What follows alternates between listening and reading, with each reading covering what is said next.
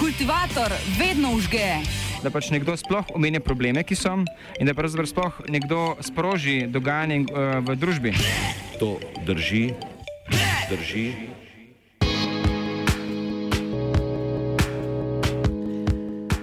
STO. Biti ali ne biti.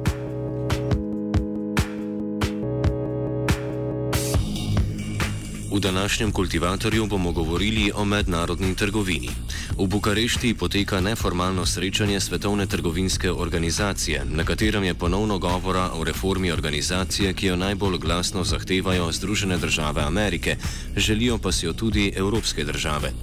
Evropski ministri odgovorni za trgovino so poleti, poleg tega govorili tudi o podelitvi mandata Evropski komisarki Cecilii Malmstrom za nov začetek pogajanj o prostotrgovinskem sporazumu med Evropsko unijo in Združenimi državami Amerike, ki mu lahko rečemo tudi TTIP 2.0.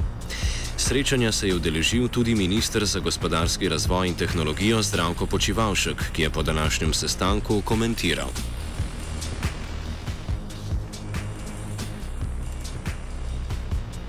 Tudi to lahko povem, da je, eh, čeprav je danes bil neformalni vrh, ne, eh, je v vsej moji zgodovini teh eh, parih let sodelovanja na komisijah bil to eden bolj burnih neformalnih sestankov, kjer smo res skoraj vsi ali pa vsi člani komisije sodelovali v poglobljenih diskusijah.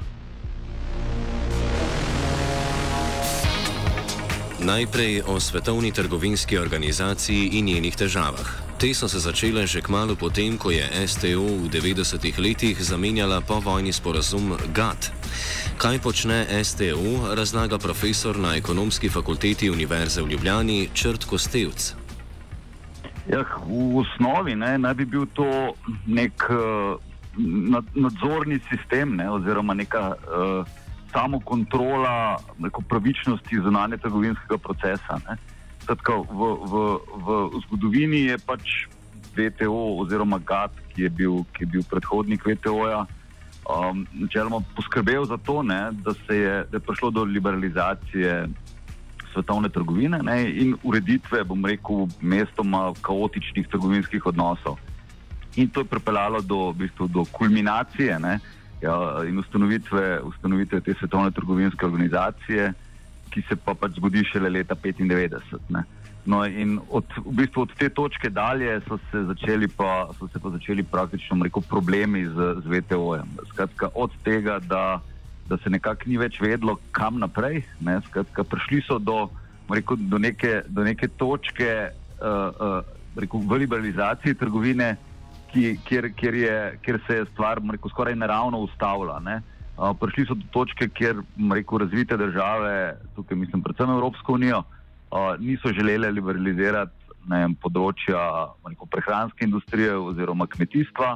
Na drugi strani nerazvite države so prišle do točke, kjer se jim je zdelo, da je to toliko liberalno, kot oni dopuščajo pri svoji rekel, predelovalni industriji storitveni sektor, kot vemo, je, je poglavje zase in je relativno neliberalen v primerjavi z blagovno menjavo. Tako da um, tisto leto 95, ne, kjer, se, kjer so mnogi pričakovali, da bo zdaj z ustanovitvijo VTO-ja po rekel, skoraj 50 letih uh, priprave. Ne, Da bo prišlo do, do nekega hudega preboja v trgovini in da bomo dejansko konvergirali v, v popolnoma liberalno trgovino, to se ni zgodilo. Zdaj se, zdaj se stvari, bomo rekel, prej zapletajo, kot odpletajo. Ne.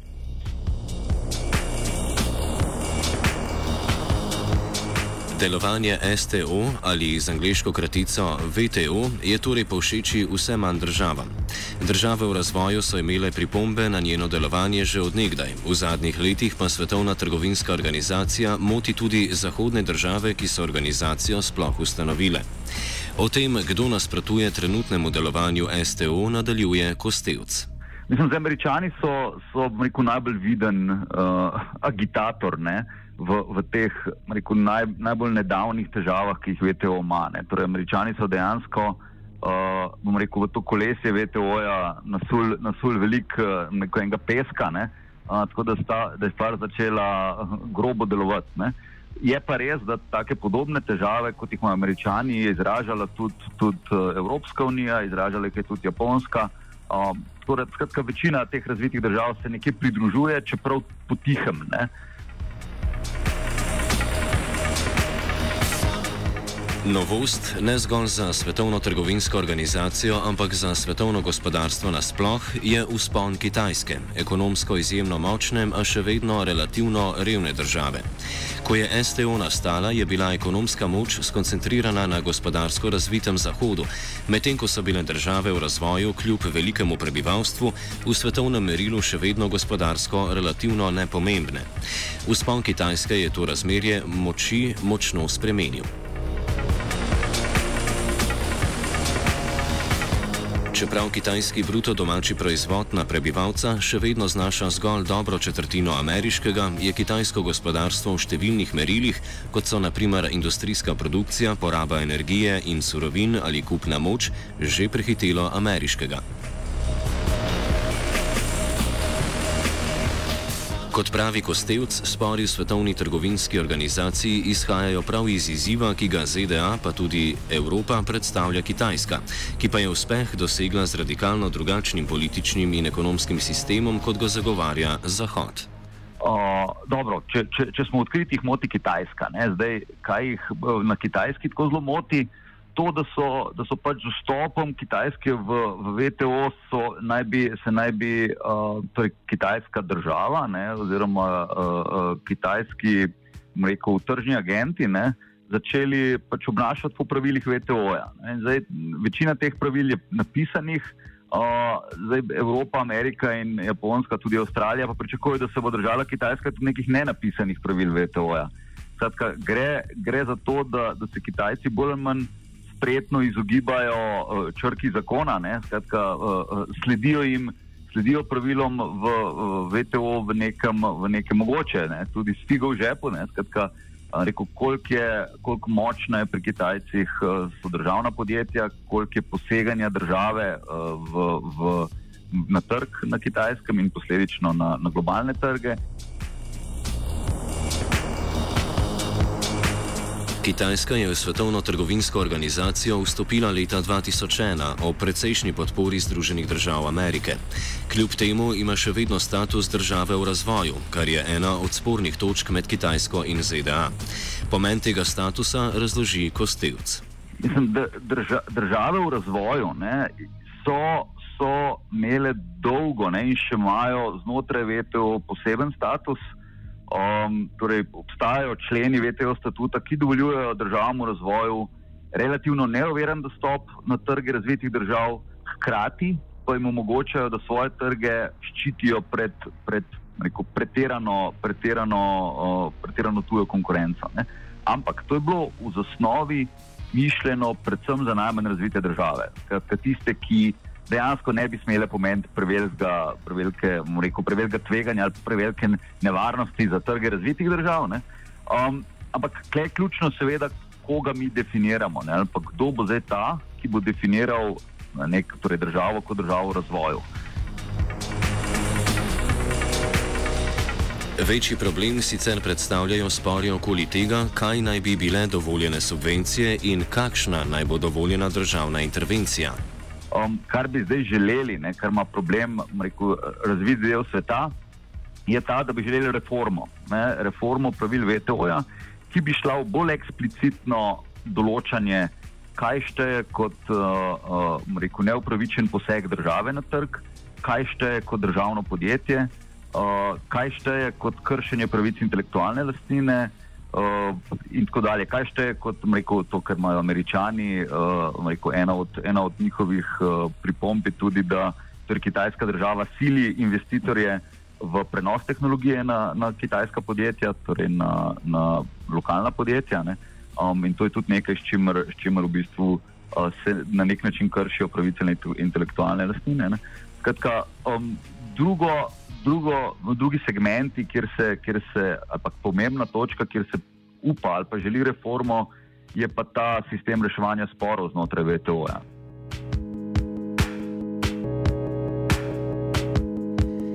Vprašanje modernizacije Svetovne trgovinske organizacije je bila tudi prva točka današnjega srečanja v Bukarešti.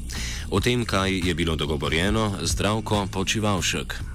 Pod prvo točko, se pravi pod uh, reformo modernizacije Svetovne trgovinske uh, organizacije, smo ministri nadaljevali razpravo, ki je bila z generalnim sekretarjem Svetovne trgovinske organizacije Robertom Azavedom pričeta že včeraj na delovni večerji. Slovenija je skupaj z ostalimi državami članicami podprla Evropsko komisijo pri zadevanjih za izboljšanje multilateralnega sistema in s tem njegovo večjo relevantnost v trenutnih izzivih.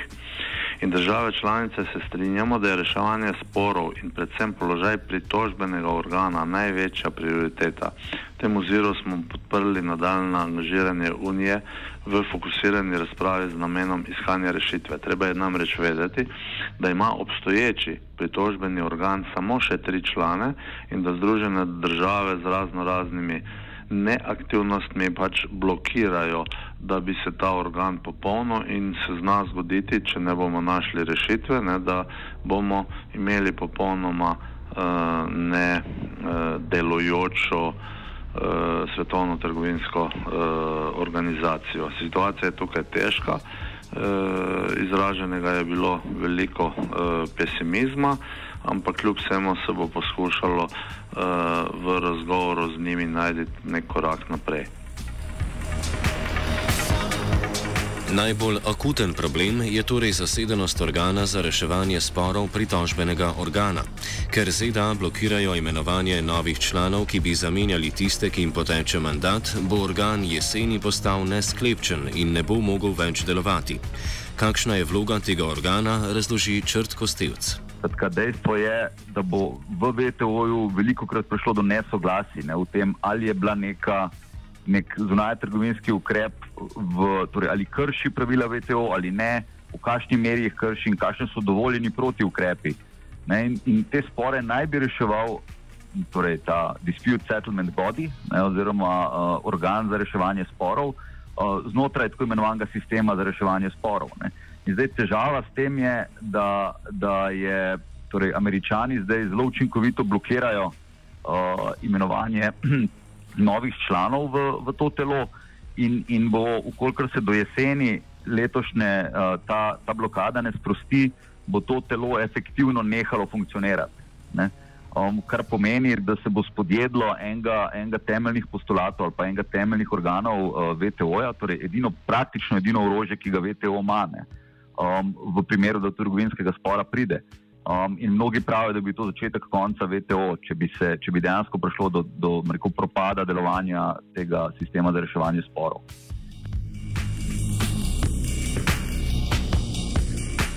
Pritožbeni organ STO je imel včasih podporo Združenih držav Amerike, ki so odigrale odločilno vlogo pri imenovanju njegovih članov. To se je v zadnjih letih spremenilo. Ne, ker ključno je, ki je treba zgodovinsko vedeti, ne, je pa, da sta EU in Amerika dolgo, dolgo imela praktično veto na odločitve tega, tega organa. Ne, in, in do, do tega, uh, v bistvu in zdaj, rekel neka zgodovinska, zgodovinska uh, uh, sled, ne, ki se vleče od tistih časov, zdaj američane nekako skeli, ne, dosti je teh, tudi evropejce, ne, dosti je teh odločitev, ki so šle v škodo Amerike ali pa Evropske unije, Um, in, in zdaj imajo torej, američani en celo serijo predlogov, kako naj bi se rekel, revidiralo delovanje tega, tega organa za reševanje sporov. Um, in zdaj se vzpostavlja neka v bistvu rekel, dvojno, dvojno, dve jedri. Ne? Na eni strani imate Ameriko, ki bi, ki bi ta organ reformirala praktično v njegovi celoti, um, in pa EU, Kitajsko, Indijo, Avstralijo, Kanado ki so formirale neko drugo jedro, ki bi bile pa za bolj, bolj postopno reformo um, in so že z mnogimi predlogi, torej take, takšne reforme uh, nastopili, vendar američani zaenkrat vse zavračajo. Ne. Kot še dodaja Kostevc, razlog za blokado pritožbenega organa STO ni zgolj zahteva po njegovi reformi, ampak za Washington pomeni vzvod, s katerim poskušajo izsiliti temeljito reformo svetovne trgovinske organizacije. Torej, američani bi želeli, jaz mislim, da je končni cilj ameriške politike zunanje trgovinske politike pod Trumpom ta, da bi prišlo do zelo korenite revizije ali do zelo korenitih sprememb delovanja VTO-ja. Torej, njim ne bo dovolj samo reforma delovanja sistema za reševanje sporov, ampak v bistvu neka korenitejša reforma VTO-ja, predvsem v luči tega, kakšne zamere oni imajo do Kitajske. Um, delno pa tudi do, do EU. Ne? Tukaj Druga tema srečanja v Bukarešti je bila odločanje o podelitvi mandata za ponoven zagon pogajanj o prostotrgovinskem sporazumu med Evropsko unijo in Združenimi državami Amerike. Gre za oživitev sporazuma TTIP, za katerega se je pred dvema letoma zdelo, da je že na smrtni posteli. Razlaga Max Bank iz nemške nevladne organizacije Lobby Control. Since uh, 2016, since uh, President Trump came to power in the United States, the trade negotiations between the US and the EU were frozen. Nothing really happened. And then they, there came the pressure of tariffs from the US side, which made uh, the EU move again towards uh, trade negotiations. And what Cecilia Malmström, the trade commissioner, has done is she proposed a mandate in January, to, January 2019. Um, suggesting basically two things uh, the reduction of industrial tariffs and um, a mandate on regulatory cooperation, in this case called conformity assessment, but it's, as uh, the economic minister of Germany said recently, it's primarily about regulatory cooperation. V drugem krogu so ambicije glede tega sporazuma precej bolj skromne kot pred leti.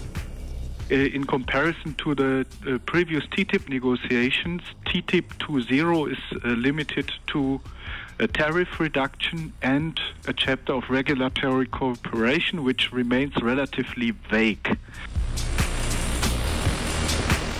O tem, kaj je bilo doseženo na današnjem sestanku v Bukarešti, gospodarski minister Zdravko Počivalšek. Drugo poglavje, ki smo ga obdelovali, pa je eh, pač eh, tema priprav na pogajanja z Združenimi državami za odpravo industrijskih tarif in ugotavljanje skladnosti. Tukaj smo blizu dogovoru končnemu besedilu mandatov, ampak je treba vedeti, ne, da smo se države članice strinjale, da morajo vsi prihodni sporazumi z Združenimi državami biti v skladu s pravili Svetovne trgovinske organizacije in da je treba trdno ohraniti mejne pozicije Evropske unije, to pa je ohranitev standardov Evropske unije, ne vključitev kmetijstva v obseg pogajanj. In jasno bilo tudi sporočilo, to pa je zdaj ključno, da pogajanja ne smejo potekati pod grožnjo trgovinskih ukrepov Združenih držav in da bo mandat komisiji eh, dan oziroma je dan eh, pod pogoji, da bodo pogajanja takoj prekinjena, če bodo uvedeni novi trgovinski ukrepi in da se obstoječi ukrepi za izdelke iz jekla in aluminija odpravijo pred zaključkom pogajanja. To se mi zdi eh, ključno. Slovenija, Slovenija zaradi svoje gospodarske navezanosti na Nemčijo torej deli mnenje z Berlinom. Pogled nemške vlade predstavi Max Bank. I, I think that the, the German government uh, has two motives to push for negotiations with the US.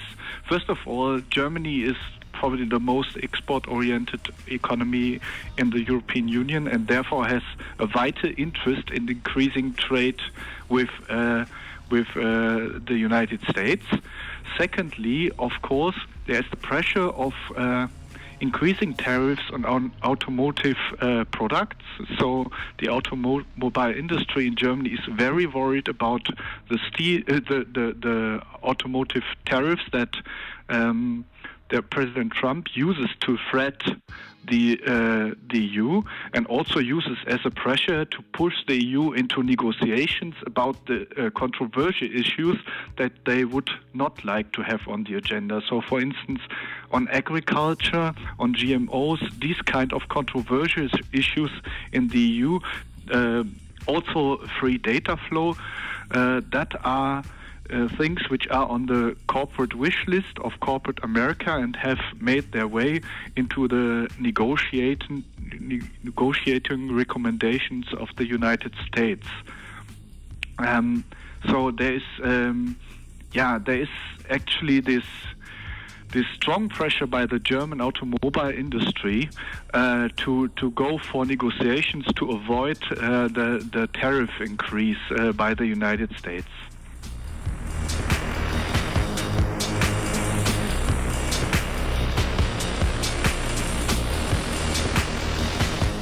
Kot povdarja bank, je ključno vprašanje to, kdo bo sodeloval pri pogajanjih in s kom se bodo sploh posvetovali pogajalci. To so večinoma predstavniki korporacij. Prior to the negotiations, the, the European Commission met 90% corporate lobbyists, only 10% civil society organizations in the time uh, between July 2018 and November 2018, where we have uh, the data available. So in the last six months, 90% of the meetings that the European Commission had on uh, the US EU trade negotiations were with corporate lobbyists. So here we have a dominance of corporate lobbyists again uh, with respect to the negotiations with the US. Manjši napredek naprej je bil storjen na področju transparentnosti pogajanj, še posebej kar se tiče razprav in sklepov v Evropskem svetu in srečanih ministrov, ki so bili v preteklosti zaprti za javnost. Komisija je predlagala naj bo mandat pogajalke Malstrom javen, kar v preteklosti ni bilo v navadi. Počivalšek se s tem strinja.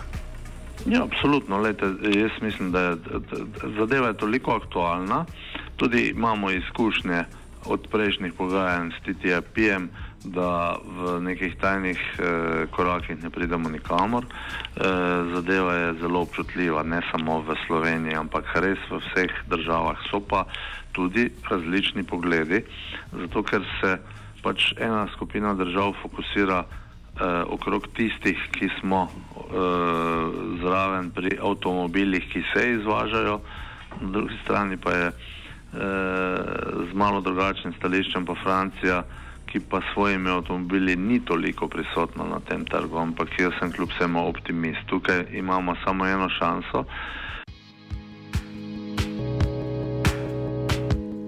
Kdaj bo sprejeta končna odločitev glede novih pogajanj z Washingtonom, počivalšek ni znal povedati. Seveda bo treba počakati tudi na odločitev ameriškega predsednika Donalda Trumpa, da ne uvede novih uvoznih carin za evropske avtomobile, s čimer je grozil v preteklih tednih, in da umakne carine na jeklo in aluminij. Oboje je vse prej kot samoumevno. Kultiviral je gale.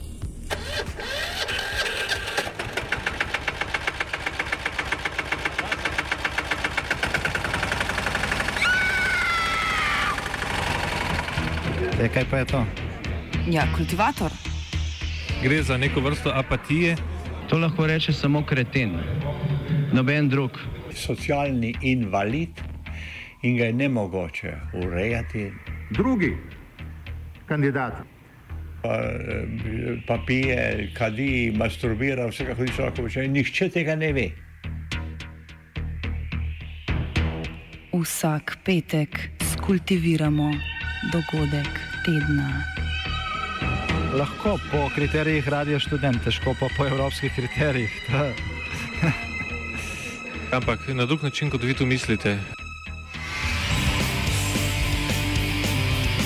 Kultivator vedno užge.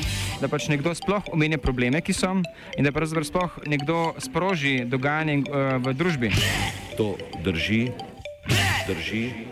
Tudi jaz poslušam radio študent, ko ga ima mami pržgan v dnevni sobi.